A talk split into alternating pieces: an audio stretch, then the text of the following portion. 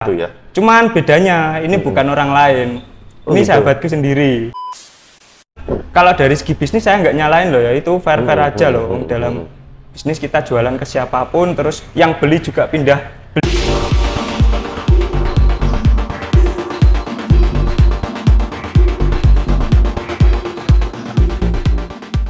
Halo, salam No no, cincong.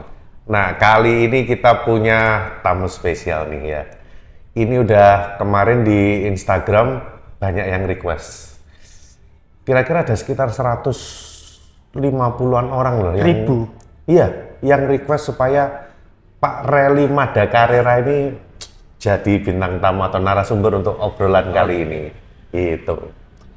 Mungkin teman-teman kalau yang di luar kota mungkin banyak yang belum tahu ya, tapi kalau di Kediri nama Rally ini udah terkenal sekali. Terkenal sebagai roster artisan pertama di Kediri. Bener nggak sih?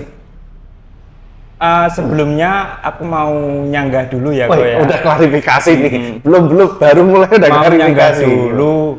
Iya. Kemarin kan dapat mentionan dari Mhm. Pak Willy. Iya. Nama saya Rally Feodal. Oh, Rally Feodal. Iya. Kenapa? Kadang kan kalau kita ngomongin ada nama belakangnya atau usahanya, Mhm. itu misal Billy Setwalk gitu Iya. ya. heeh. Billy Setwalk. Setahu saya yang namanya rally itu di Kediri bahkan di Indonesia ya cuma saya. Kenapa ditambahi rally feodal? Dah itu aja. Loh, orang namanya Rally kan banyak. Nggak ada ya? Nggak ada. Masa cuma aku aja ya. Oh, oh, saking pedenya dah. Tapi ya maaf loh ya, jangan Iya. dimarahin saya, saya ya supaya orang tahu maksudnya ada embel-embelnya rally yang punya feodal. Oh, gitu. loh. Jadi Oke. nama feodalnya itu biar ikut ngangkat. Lah kue kok nesu toh rel? Nggak marah, cuma Biasa mau. ya toh, Ros. Kita baru mulai masa wis ngejak gigir Iya, cuma mau nyanggah. Oh iya iya iya ya udah mungkin Udah, kesalahan aja. saya. Mm-mm, Mohon benar. maaf ya teman-teman. Jadi nama rally itu di Indonesia itu cuma satu, Cuma satu. dan kebetulan dia yang punya feodal roastery. Oke. Mungkin kembali lagi tadi bisa dijawab, apakah benar isu yang saya dengar itu feodal itu adalah coffee roastery artisan pertama di Kediri? Kalau di Kediri, tepatnya di kota Kediri, iya. Wes. Tapi kalau di Kediri Kabupaten dan Kota, enggak. Oh ya? Mm-mm. Kabupaten siapa? Kabupaten ada Romo yang lebih dulu. Romo Kopi, Romo, Kepung. Romo Kopi di Kepung di ya. Kepung. Saya belum pernah ke sana, belum tahu ya. Terus Mungkin kalau yang kapan-kapan diajak loh saya ke sana. boleh boleh Boleh ya? Boleh. Masih ngerosting orangnya? masih sekarang Masih ya? masih. Terus di sana juga selain kita bisa nikmatin kopinya, Eh, nikmatin suasananya juga nih? enak. Oh, oh dia ada kedai kopinya? Ada Oh, belum pernah tahu ya. di sana kan datarannya agak lebih tinggi daripada kota Kediri. Oh, jadi lebih Jadi pasti adem. lebih dingin. Oke, oke, oke. Menarik ya, Romo Kopi ya namanya Iya, ya. Tempatnya Romo lebih enak daripada Feodal. Sama aja. Oh, aja Fe- Feodal enak nggak tempatnya? Kalau enak menurutku enak, tapi kalau orang lain bolehlah mereka eh, berspekulasi. Feodal itu enak apa enggak, itu kan tergantung pikiran mereka. Jadi Oh, saya nggak bisa ngontrol pikiran mereka. Iya kan? Ini wise sekali loh ya. Kayaknya sudah diplomatis sekali nih, pengalaman sekali nih Pak Rel ini. Ah, 2030 lah. Oh, iya. Di spoil 2030 mau ngapain ini? 2030 mau ngapain? Oke, kita balik lagi Rel. Kita mungkin supaya teman-teman juga tahu ya. Jadi emang waktu itu buka feodal pertama kali itu tahun berapa sih? Buka feodal 2017, 2017 awal. Itu awal. untuk coffee shopnya. Tapi untuk roasteringnya itu 2016 akhir, tepatnya bulan November. Itu masih di rumah. Oh, roastery dulu itu 2016, 2016 akhir. 2017 baru buka coffee shop. Berarti 2016 itu sebelumnya di kota Kediri itu nggak ada coffee roaster yang specialty ya? Setahu saya enggak sih. Belum ada ya? Kalau yang gede ada Brontoseno, tapi mereka komoditi ya. Oh iya, ya beda kalau Brontoseno kan udah legend ya. Kita ya nggak bisa, walaupun kita specialty tapi jangan dibandingkan Iya. sama Brontoseno. Brontoseno itu udah legend. Nah, waktu itu kenapa kok bisa mutusin mau buka roastery? Kan orang-orang waktu itu kayaknya 2016, 2017 itu mulai rame orang buka kedai kopi, manual brewing. Kamu kok malah ke roastery ini? Nah justru itu, kok. Enggak. itu kan mereka buka coffee shop perlu supplier roast bean. Oh gitu. Nah, Wis. Saya lihatnya dari peluang terus saya juga tanya ke Willy kan kalau nggak salah dulu. Oh aku misal mau buka eh, pengen bikin roastery itu gimana? Terus ke Willy tanya juga, tanya balik ke aku. Kamu gimana? Sukanya lebih ke roastery apa ke coffee shop Oh, gitu? saya sih nggak inget ya. Iya. Saya nggak inget kamu dulu Emang siapa. saya gampang dilupakan. terus terus Nah. akhirnya Setelah Ko Willy bilang gitu, saya mutusin buat bikin roastery. Hmm. Habis itu saya juga tanya kelas tentang kelas, kelas roasting di mana kok. Ko Willy ngerekomin di William Bali Oh di William Edison. Ya. Iya, iya. Terus kamu ke Bali waktu itu? ke Bali. Karena kamu mesin juga pakai William. Edison. ya? Jadi kamu beli mesin roasting dulu atau kamu ikut kelasnya dulu? Aku beli mesin roasting dulu, Oh beli mesin baru dulu. ikut kelas. Ikut kelas kalau nggak salah aku bulan Mei Mm-mm. tahun 2017. Aku belinya kan November 2016. Nah sebelum ikut kelas itu terus kamu ngerosting pakai teknik apa tuh berarti? Nah, sebelum ikut kelas di Romo Kopi kan udah ada Oh, roastery. Aku belajar-belajar di sana iya, iya, tanya-tanya. Iya, iya, iya, iya. Gurumu pertama berarti dari Romo itu Iya. dong, guru roastingnya ya. Oke, iya. Oh, menarik, menarik. Lagi pula waktu itu kamu pakai mesin roasting William Edison itu harga yang berapa ya? Yang murah kan itu? Dulu berapa ya? 17 juta kalau nggak 17 salah. juta ya.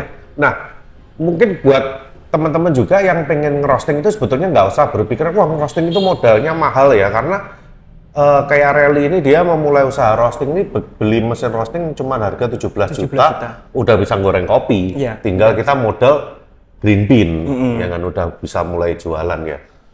Hmm, terus dari situ belajar dari Romo itu. Mm-mm. Dari Romo terus habis itu baru belajar di William Edison. William Edison, benar. Terus ada bedanya nggak dari yang waktu si Romo Kopi itu dia ngajarin kamu roasting sama di William itu banyak? Ada beberapa perbedaan. Cuman kalau waktu aku ambil kelas itu dapat hal baru lebih banyak. Oh teori-teorinya ya. Ah, wawasan baru jadi lebih banyak. Itu bisa dipraktekkan di teknik roastingnya. Bisa. Hasilnya gimana?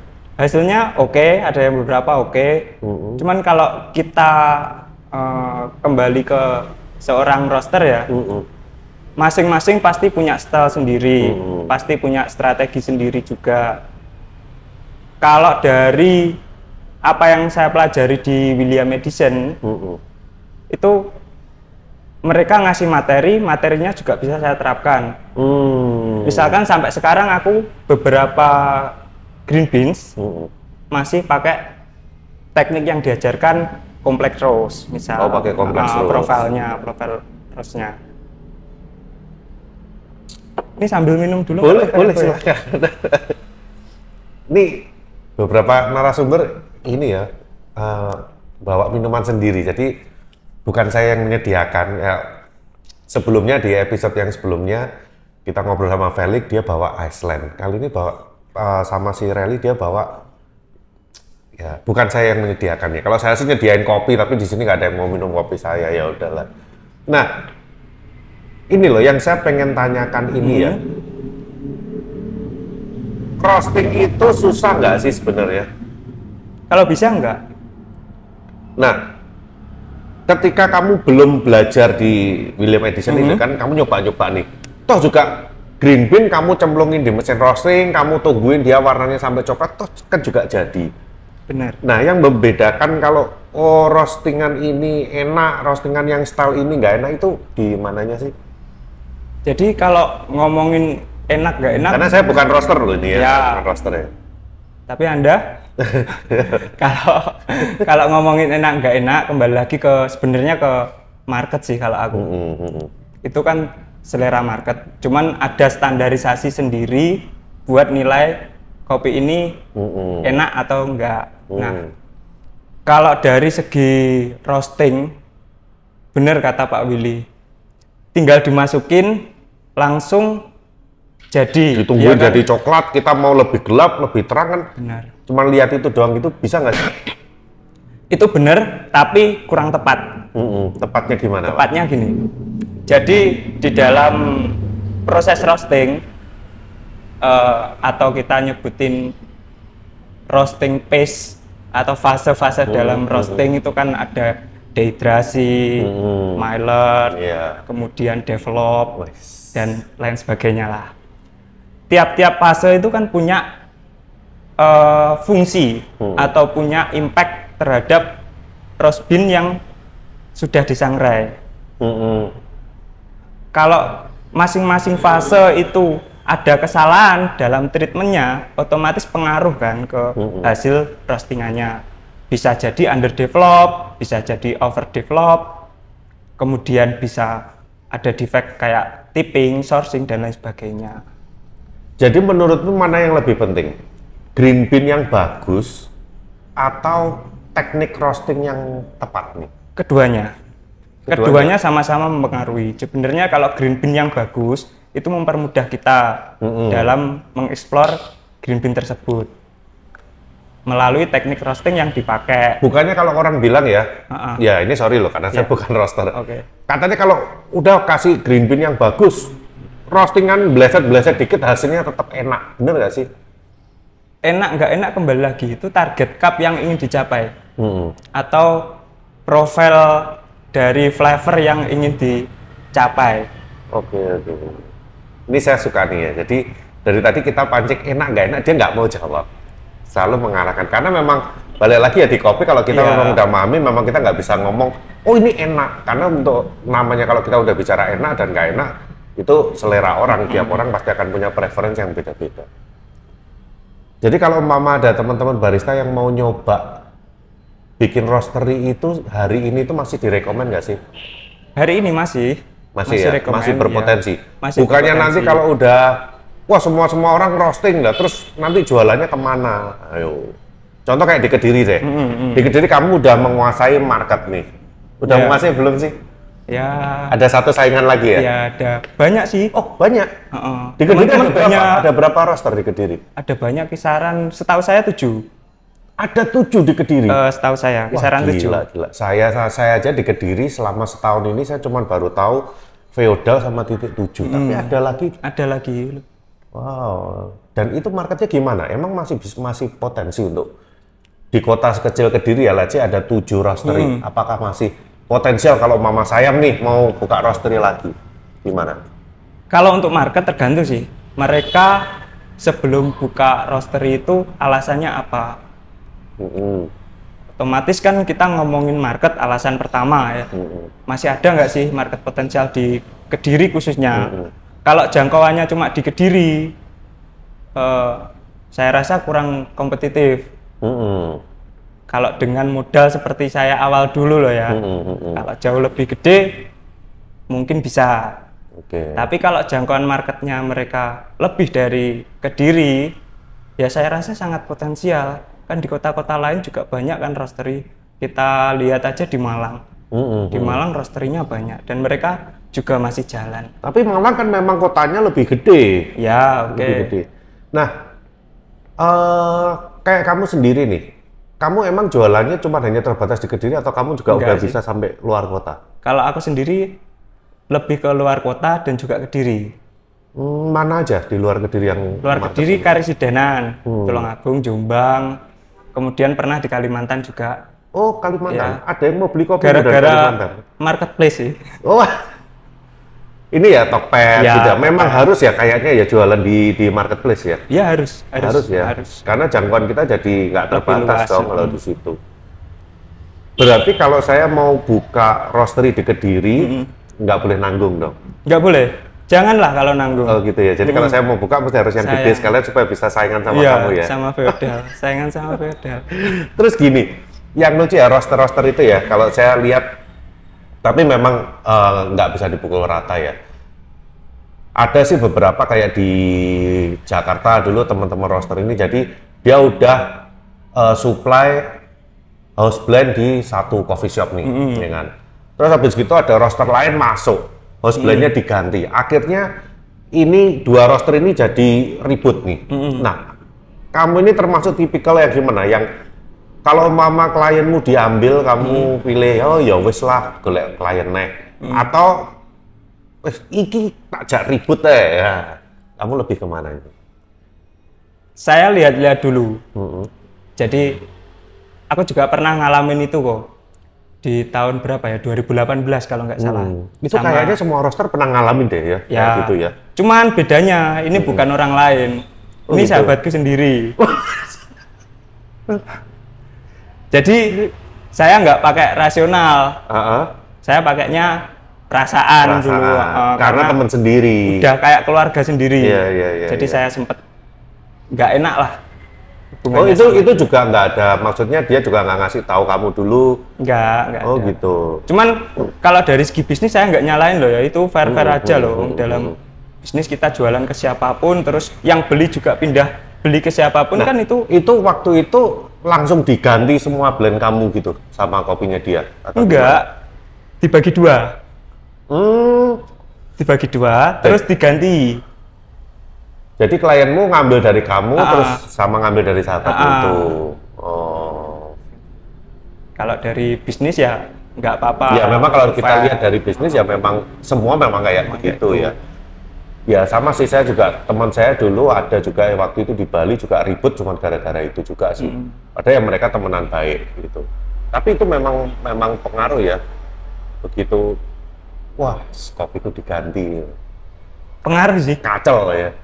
Ya pengaruh waktu waktu itu tahun 2018 itu salah satu apa ya serapan terbesarku Oh gitu. ya Oh termasuk customer yang gede. Iya. Oh. Oh, gitu.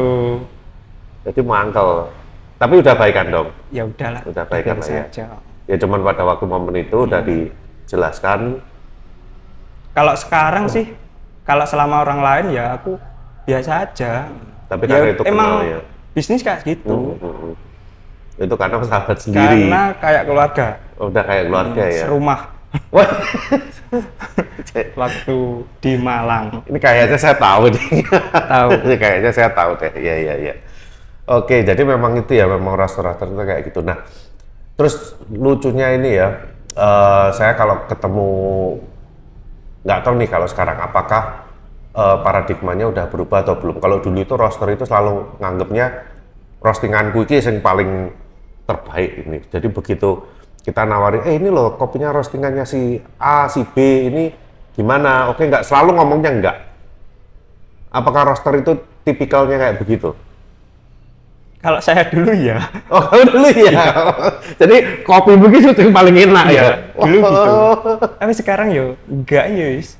Tapi awal-awal gitu dulu. Oh, Awal-awal gitu. Ngerasa roastingannya sendiri yang paling enak. Ya enggak cuma di roasting sih kok. Mm-mm. Brewing juga kayak gitu Ya kayaknya. barista kayaknya gitu ya. Barista juga kalau udah baru awal-awal bisa bikin kopi ya kopi gaenanku yang paling enak. Ya. Nah kamu mulai kapan kamu bisa bertransisi menerima bahwa ya kita juga harus bisa lihat secara netral bahwa roastingan orang lain ini punya nilai lebih dibandingkan punyaku. Itu mulai kapan dan gimana?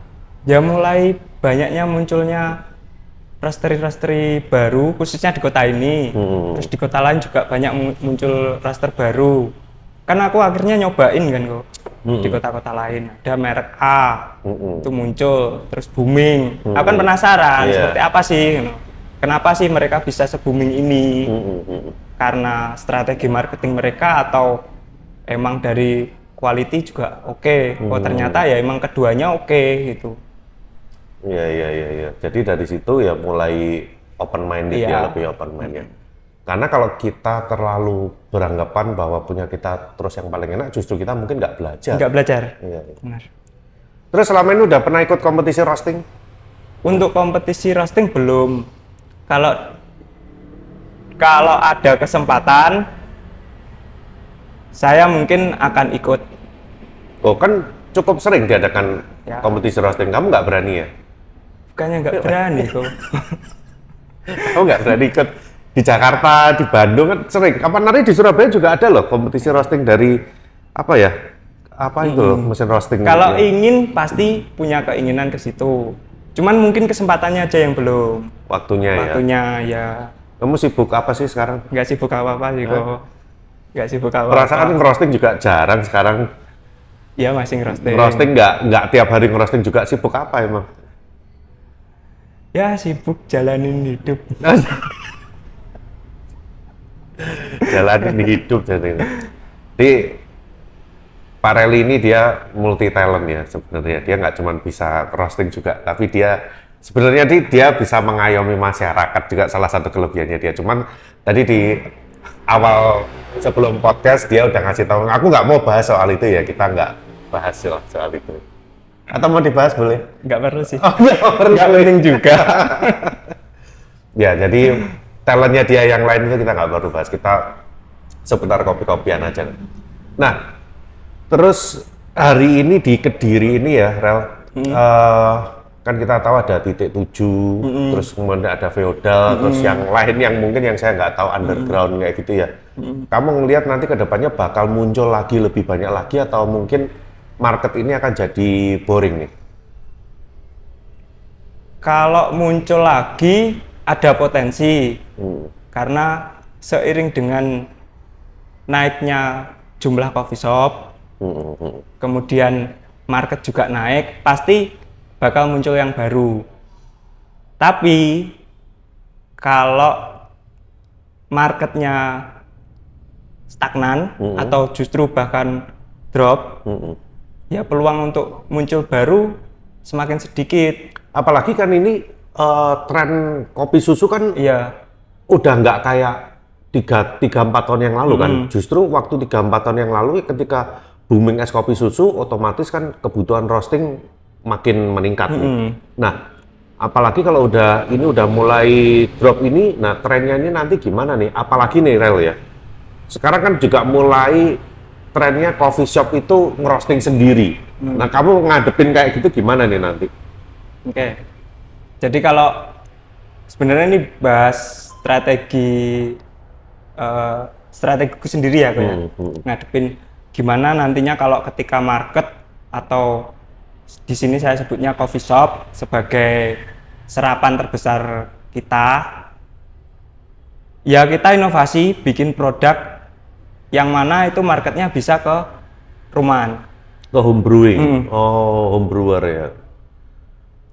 Karena semakin ke sini saya lihat jumlah home brewer juga semakin banyak. Hmm, hmm, hmm, Iya kan?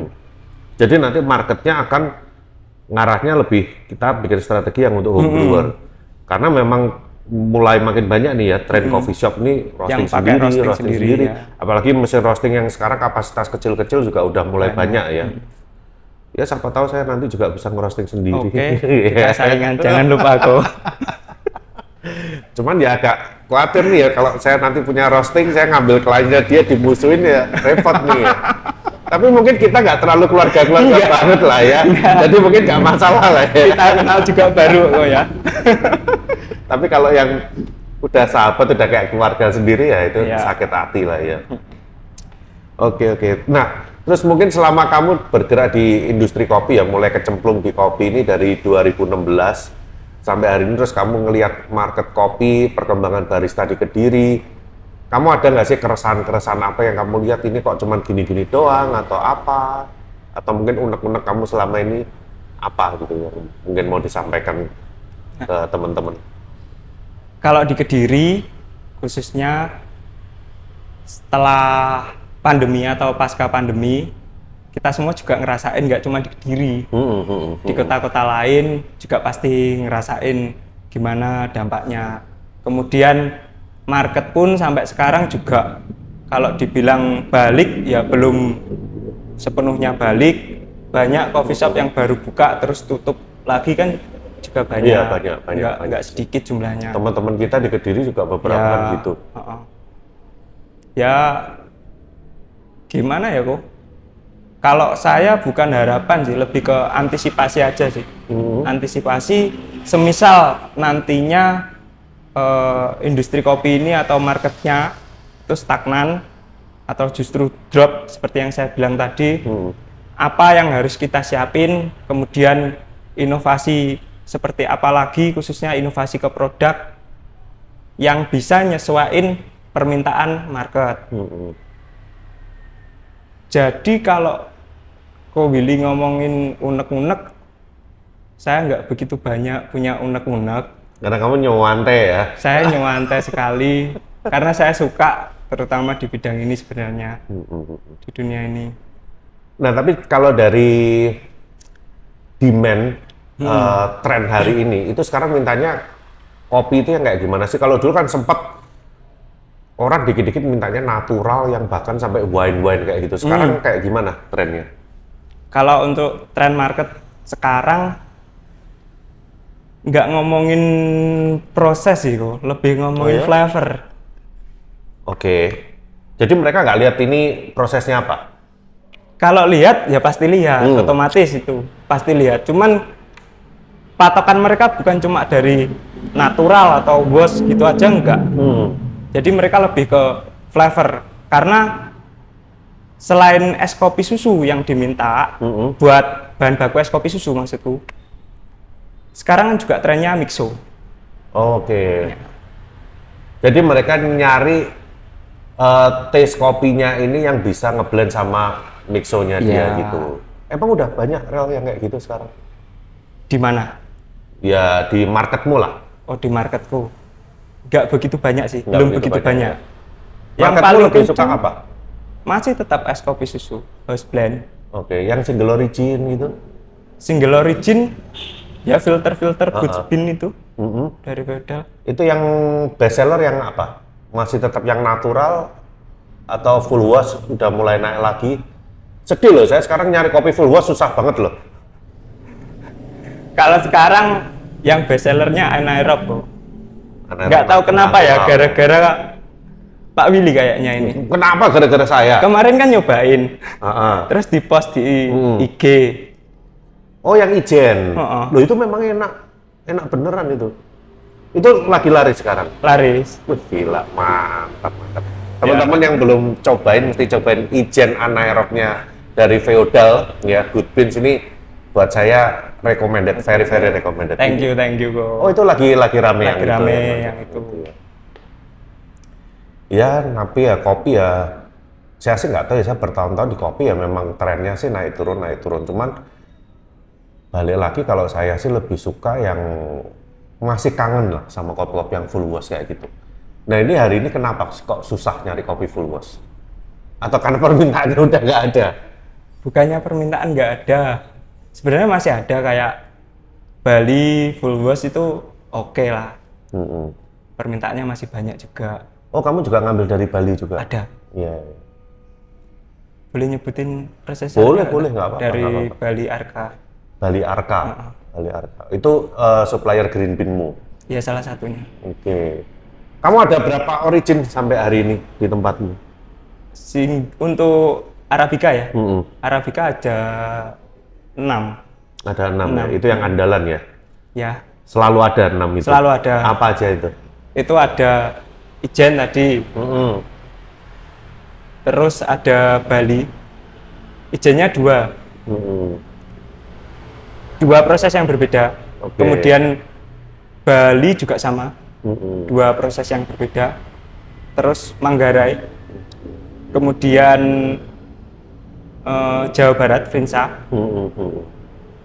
terus mana lagi ya? Aku agak lupa. Nggak lihat katalog, nggak bawa katalog. Barang ini itu tadi. lali ya. Ini tadi nggak bawa katalog. Iya, nggak apa-apa. sorry, sorry. Lain-lain dipersiapkan supaya bisa ngikut sekalian itu. Ya, tapi buat teman-teman luar kota memang layak dicoba ya Feodal ini ya.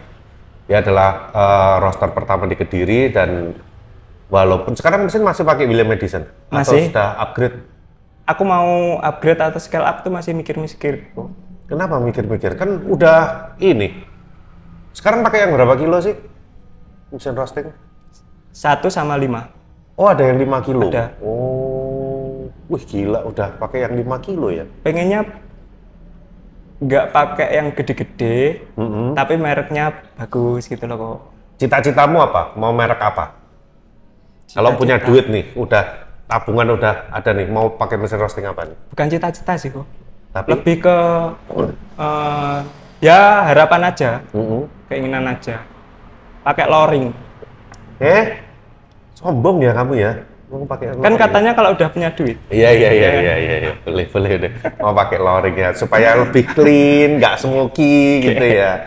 Ya sekalian aja yang mahal ya, nggak usah nanggung-nanggung ya. Probat apa probat ya? nah terus kemudian kalau mama ini nih, kita juga bisa lihat beberapa coffee shop ada nih ya. investasi gede, terus kemudian pakai mesin mahal, ya kan? Let's say pakai mesin probat, tapi dia ngerostingnya masih yang gelap-gelap kayak begitu. Pendapatmu gimana, Rel? Lihat yang roster-roster kayak gitu, sayang atau kenapa mereka ngelakuin kayak gitu? Atau mereka nggak paham atau gimana? Ya buat saya nggak masalah mereka mau ngerosting Nggak gelap, apa-apa ya? nggak apa-apa. Walaupun pakai mesin probat, Nggak eman-eman. Nggak sih. Nggak ya? Selama mereka bisa jual, Iya. kan nggak masalah. Karena mungkin yang tahu marketnya, ya Marketnya mereka. mereka. Iya. Walaupun mereka pakai, weh, pakai mesinnya probat tapi kopinya gosong-gosong lah. Ya itu memang marketnya Iya. mereka ya. Memang kita nggak bisa judgement ya. Tapi banyak orang yang ngomong gitu sering denger ya. Gimana? Dia kayak gitu, wah mesinnya larang tapi kopinya kayak gini. Iya, saya langsung pura-pura nggak denger. Iya, betul. Pak Rel ini susah dipancing. Aduh, Rel, Rel. Kalau lihat apa ya pabrikan-pabrikan atau mereka yang udah punya merek atau brand gede, Hmm, mesinnya eh, untuk investasi mesin kan pasti mereka gila-gilaan. Iya, betul. Dan mereka juga ngerostingnya eh, market commodity kan, kayak robusta grade berapa gitu, kemudian di roasting sampai dah Ya, ya memang mereka milih mesin yang mahal itu karena mereka butuh untuk memudahkan ya, pekerjaan mereka, lebih lebih, konsisten, efisien. lebih efisien, gitu. Jadi nggak selalu mesin roasting mahal itu harus ngerosting yang lain terus. Ya, gitu. Kamu sering roasting dark roast robusta ya? Robusta iya Ah, dong. Robusta iya. buat es kopi susu ya. Kopi susu. Oke. Terus kamu dulu juga pernah ikut ini kan? Aeropress Championship. Iya. Nah, ini dulu salah satu perwakilan dari Kediri yang pernah ikut IAC tahun berapa ya itu ya? 2017 2017. Iya. Itu yang kamu sampai peringkat 9. semifinalis ya. Jadi semifinalis peringkat 9 ya. 2017 itu waktu itu juaranya si Damar. Damar ya, Hmm, Damaring. Damaring. Itu. 2017. Terus ini ada rencana mau ikut lagi? Belum sih. Belum. Roasting. Ah, kalau kalau mau pengen ya roasting. Udah nggak mau ikut yang brewing-brewing lagi? Mau, buktinya kemarin juga masih ikut. Oh, ikut apa? Ya waktu di IAC, ya kan? Ya, Aceh itu. Setelah itu, kan udah nggak pernah Eh. ikutan lagi. AAC, A- Aceh apa ya? Alinea Aeropress Championship. Kan aku juga ikut. Masa kamu ikut waktu Ikut. itu? Peserta? Peserta. Oh, menang? Kalah. Babak pertama langsung kalah. Ya memang Trodon memang susah lah, harus Ya. diakui harus diakui. Kalau ada orang yang konsisten menang di Trodon ini buat saya sih luar biasa sih. Keren memang. Saya aja gepeng yang ngakunya dia, saya tahu caranya biar menang, saya sih tetap nggak percaya sih. Tapi memang bener ya, gepeng banyak menang terus. Enggak dia songong aja. Dia songong doang kan? Peng. Gepeng memang banyak cincong ya. Makanya ditaruh di episode barista paling anjing gitu. Tapi keren Gepeng. Ya, harus Gepeng diakui di memang keren. Kediri, di Kediri memang dia. Kita belum nemu lagi ya bibit-bibit Ya, di belum. Kediri ya. So, jadi kalau buat teman-teman dari Kediri yang nonton ini ya, mungkin bisa mengasah lagi kemampuannya karena kita di Kediri udah mulai kekurangan bibit-bibit barista unggul ya. Ya wanine cuman tarkam, trodon-trodon doang ya. Untuk mau yang tingkat lebih atas lagi udah susah banget. Padahal di kota-kota lain udah mulai mengejar nih. So mungkin untuk Bentar, suara motor. Oke.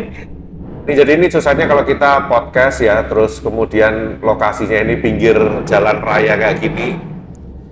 Terus ada orang trek-trekan ini ya memang nggak enak di kuping. Oke, jadi ke depannya harapannya apa nih, Rel, untuk perkembangan industri kopi di Kediri? Kalau harapannya tentunya market makin luas kok. Makin luas. Supaya, pengen ya. supaya cuan dulu bisa makin Itu pengennya ya. Oh, ya iyalah. Itu pengennya. pengennya supaya kamu dapat duit lagi. Ya nggak kan? cuma aku kan kok yang Oh, iya, nikmatin. betul, betul, betul. Heeh. Ketika industri makin besar, ya kan, nah, otomatis kita potensi untuk dapat cuan juga lebih besar lagi. Iya benar. Dan yang lain juga sama. Yang lain juga dapat porsi yang sama. ya. Tinggal strateginya aja. Betul. Oke. Iya kan kok?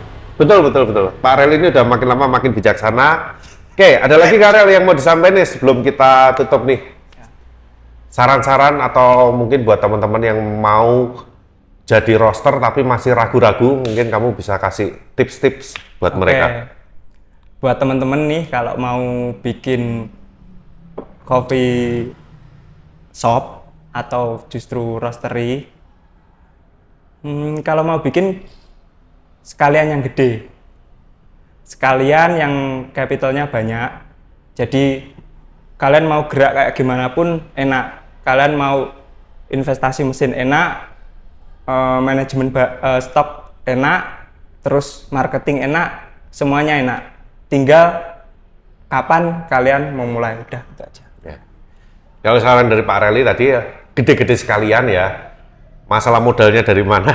Silahkan cari sendiri Nah. ya. Karena dia bukan eh, pemodal. Ya.